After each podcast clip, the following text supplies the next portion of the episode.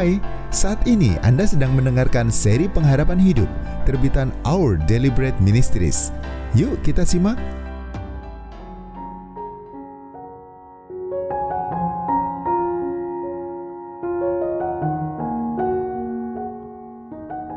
Harapan di usia senja.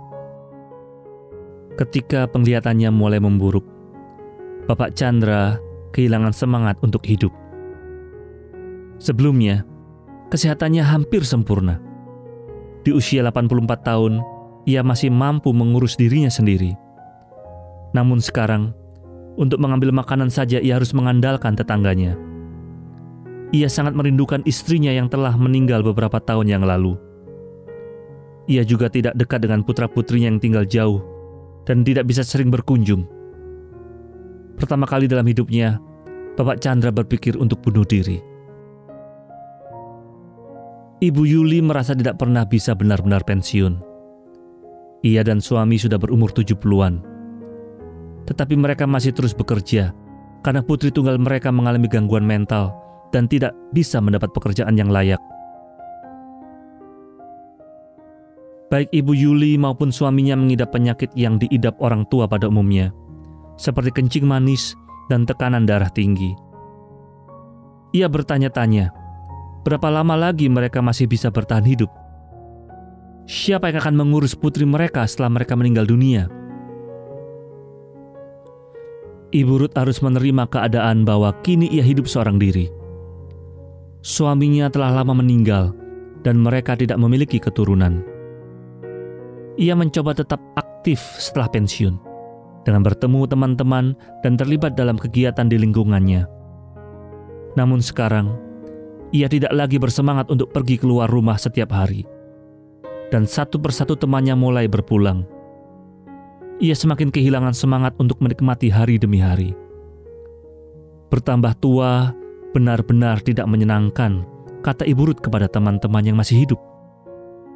Apakah Anda merasakan hal yang sama tentang usia senja? Apakah Anda bergumul dengan penyakit kronis atau perasaan kesepian? Apakah Anda merasa tidak banyak lagi yang membuat Anda bersemangat untuk hidup? Sayangnya, usia senja adalah masa yang harus dihadapi oleh kita semua.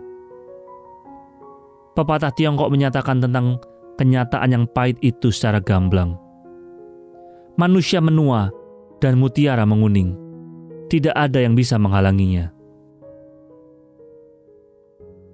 Kondisi yang menurun Salah satu hal yang paling sulit diterima di usia senja adalah menurunnya kondisi kesehatan jasmani.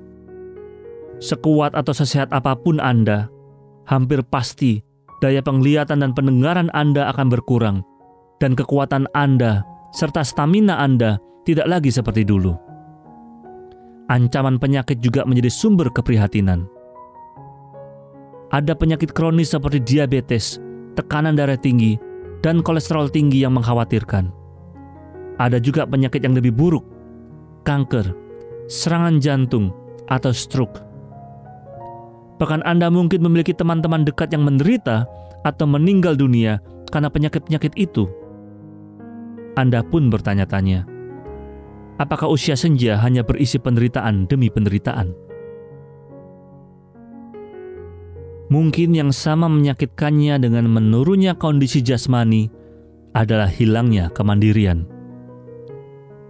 Kelemahan dan penyakit membuat kita harus mengandalkan orang lain, bahkan untuk aktivitas sederhana sehari-hari, seperti ke kamar mandi, mengenakan pakaian, atau menyantap makanan. Semua itu terasa memalukan, bahkan membuat kita merasa terhina karena kita diingatkan pada kenyataan bahwa kita tidak lagi sekuat, semampu, dan semandiri dulu. Seperti sejumlah rekan seusia Anda Mungkin juga Anda merasa ketinggalan zaman karena tidak bisa mengejar perubahan sosial dan teknologi yang begitu pesat di dunia yang tampaknya tidak lagi menghargai usia dan pengalaman seseorang. Anda mungkin merasa tidak lagi berguna atau diperlukan oleh masyarakat.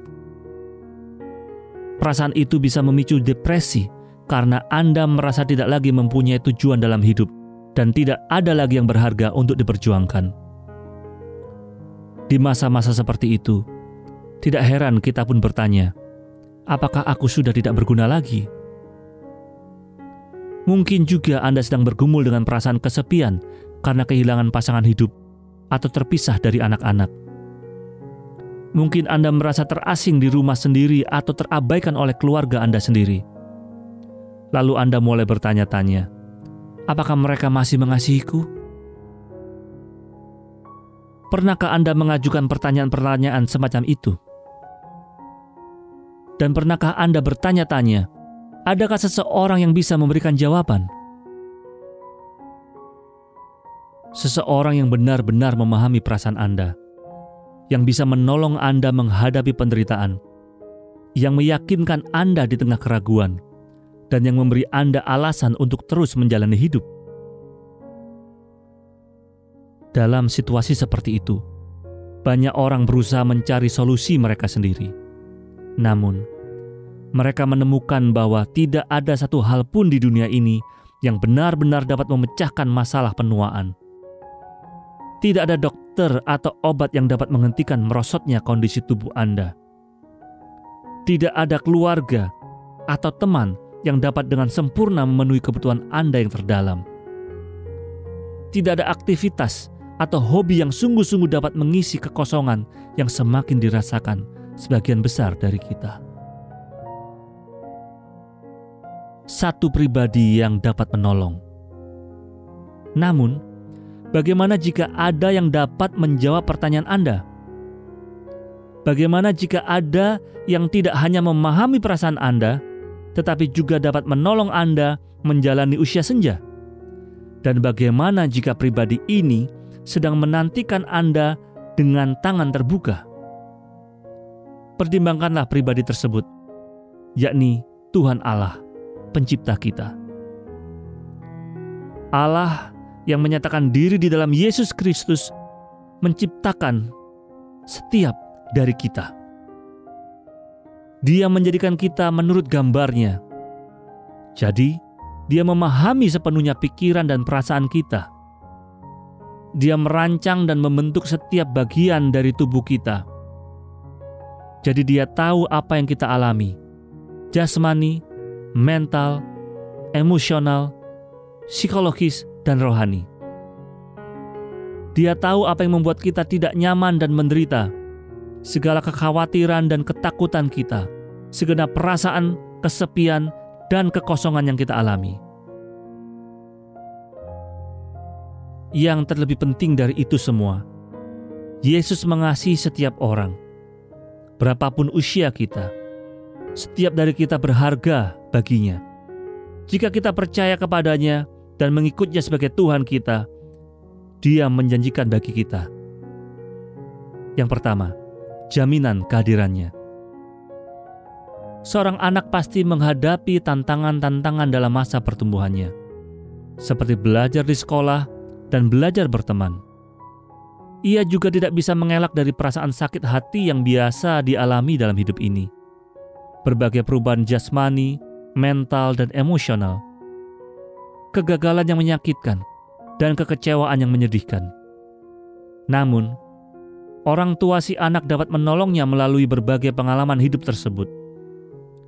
Mereka dapat mendampingi, menghibur, dan meyakinkannya dengan memberikan pemahaman bahwa si anak dapat mengandalkan pertolongan dan nasihat mereka setiap kali ia membutuhkannya. Ia sanggup menghadapi setiap tantangan dengan penuh keyakinan, karena ia tahu bahwa orang tuanya akan selalu hadir untuknya. Anda juga bisa menikmati kehadiran Allah itu. Dia berjanji untuk selalu menyertai setiap langkah Anda di sepanjang usia senja Anda. Anda akan menerima tuntunan, hikmat, dan pemahaman dari Allah untuk dapat menangani masalah yang ada. Sekaligus Anda dihibur dan didampinginya. Anda boleh datang kepadanya kapan saja, dan Dia senantiasa hadir, seperti orang tua yang penuh kasih untuk mendengarkan, menyemangati, menghibur, dan menolong Anda. Dalam Alkitab, Allah berjanji kepada kita, "Sampai masa tuamu, aku tetap Dia, dan sampai putih rambutmu, aku akan menggendong kamu." Aku telah melakukannya dan mau menanggung kamu terus. Aku mau memikul kamu dan menyelamatkan kamu. Yesaya 46 ayat 4. Kedua, identitas dan rasa berharga. Pernahkah Anda melihat orang tua menunjukkan kasih sayang kepada anaknya? Setiap anak menjadi kesayangan orang tuanya hanya karena ia adalah keturunan mereka. Demikianlah Anda bagi Allah. Anda sangat berharga baginya, karena Dia sendiri yang telah menciptakan Anda. Allah tidak melihat kita seperti dunia melihat kita. Dia tidak melihat kita menurut usia, kemampuan, dan prestasi kita. Dia mengasihi kita apa adanya. Itu karena ketika kita percaya kepadanya, Dia mengangkat kita menjadi anak-anaknya. Identitas kita yang baru tidak didasarkan pada perbuatan kita, prestasi kita, atau seberapa baik atau bergunanya diri kita. Sebaliknya, identitas kita sepenuhnya dilandaskan pada anugerah dan kasih Allah. Dia ingin memberi kita hak untuk menjadi anak-anaknya. Dan seperti orang tua yang sangat menghargai setiap anaknya, setiap dari kita juga sangat berharga di mata Allah. Hak istimewa menjadi anak-anak Allah itu selalu menjadi milik kita. Alkitab mengatakan, "Sebab di dalam Dia Allah telah memilih kita sebelum dunia dijadikan, supaya kita kudus dan tak bercacat di hadapannya. Dalam kasih, Ia telah menentukan kita dari semula oleh Yesus Kristus untuk menjadi anak-anaknya sesuai dengan kerelaan kehendaknya." Ketiga, keberadaan yang berarti. Anda mungkin telah melihat bagaimana kelahiran seorang cucu dapat memberikan sukacita yang luar biasa dan memiliki arti yang sangat besar bagi kakek atau neneknya yang telah lanjut usia. Seakan mereka mendapatkan semangat baru untuk menjalani hidup. Hal yang sama juga terjadi ketika Anda mempercayai dan mengikut Allah. Hubungan baru Anda dengannya akan memberikan tujuan dan semangat yang besar bagi hidup Anda seiring bertumbuhnya interaksi Anda dengan Yesus. Hidup Anda akan mempunyai arti yang baru. Anda mungkin juga menemukan peluang-peluang baru untuk membagikan hikmat dan pengalaman Anda ketika Anda bergabung dengan komunitas sesama pengikut Yesus. Alkitab memberikan banyak contoh bagaimana Allah sangat menghargai orang yang lanjut usia. Orang tua dihormati di tengah masyarakat dan orang muda diajar untuk menghormati mereka dan menghargai nasihat serta hikmat mereka. Beberapa tokoh dalam Alkitab dipilih Allah untuk melakukan tugas-tugas penting pada saat mereka berusia 80 tahun atau lebih. Orang-orang lanjut usia mendapat tempat khusus dalam hati Tuhan. Alkitab menyebut tentang seseorang yang merasa begitu diberkati Allah sehingga ia tidak bisa berhenti bercerita tentang Allah kepada orang lain. Meskipun sudah tua, ia menyadari tujuan hidupnya dan berdoa kepada Allah. Sampai masa tuaku dan putih rambutku ya Allah, janganlah meninggalkan aku, supaya aku memberitakan kuasamu kepada angkatan ini, keperkasaanmu kepada semua orang yang akan datang.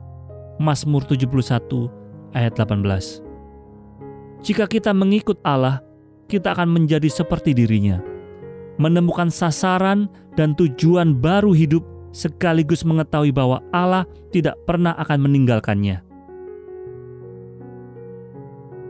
Keempat, pengharapan hidup kekal. Pernahkah Anda bertanya-tanya, bahkan mungkin khawatir tentang apa yang terjadi setelah kematian? Apakah kematian adalah akhir segala-galanya? Adakah kehidupan setelah kematian? pertanyaan-pertanyaan itu sulit untuk dijawab. Tetapi Yesus memiliki jawabannya. Dia menawarkan sesuatu yang menakjubkan, pengharapan akan hidup kekal. Mungkin Anda sulit memahaminya sekarang, tetapi itulah yang dijanjikan Allah Sang Pencipta, pemberi hidup yang sejati, jika kita percaya kepadanya. Setelah kita meninggalkan dunia ini, Allah akan membawa kita tinggal bersamanya untuk selamanya dan kita pun terbebas dari segala kelemahan kita sebagai manusia.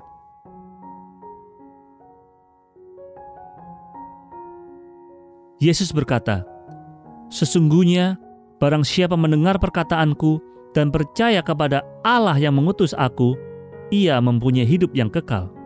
Yohanes 5 ayat 24. Dengan pengharapan yang menakjubkan seperti itu, hidup dan segala tantangan yang Anda hadapi di usia senja akan terlihat sangat jauh berbeda. Meskipun kondisi jasmani dan mental Anda menurun, anda akan memiliki sesuatu yang indah untuk digapai di masa mendatang. Layaknya medali emas yang diterima di akhir perlombaan yang panjang dan sulit. Saat ini, perjalanan hidup Anda mungkin terasa berat, tetapi Anda dapat mengarahkan pandangan pada sebuah kehidupan baru nan sempurna yang menanti Anda. Kenali Yesus lebih jauh usia senja mungkin menyulitkan. Kita akan terus bergumul dengan keterbatasan jasmani dan mental, juga dengan perasaan rentan, sedih, terabaikan, dan kesepian. Namun, Anda dapat menemukan makna dan pengharapan baru di dalam Yesus. Jika Anda mempercayainya, Anda akan menemukan bahwa Anda tidak lagi harus menjalani hidup yang penuh tantangan ini seorang diri karena Yesus akan selalu menyertai setiap langkah perjalanan Anda. Bukan hanya dalam kehidupan sekarang ini, tetapi juga dalam kehidupan yang akan datang. Apakah Anda ingin lebih mengenal Yesus, mengetahui apa yang Dia berikan, dan bagaimana Anda dapat lebih mengenalnya? Terima kasih ya karena Anda sudah mendengarkan seri pengharapan hidup ini. Untuk mendapatkan materi-materi dengan judul-judul lainnya secara online, silakan kunjungi website santapanrohani.org garis miring SPH. Tuhan memberkati.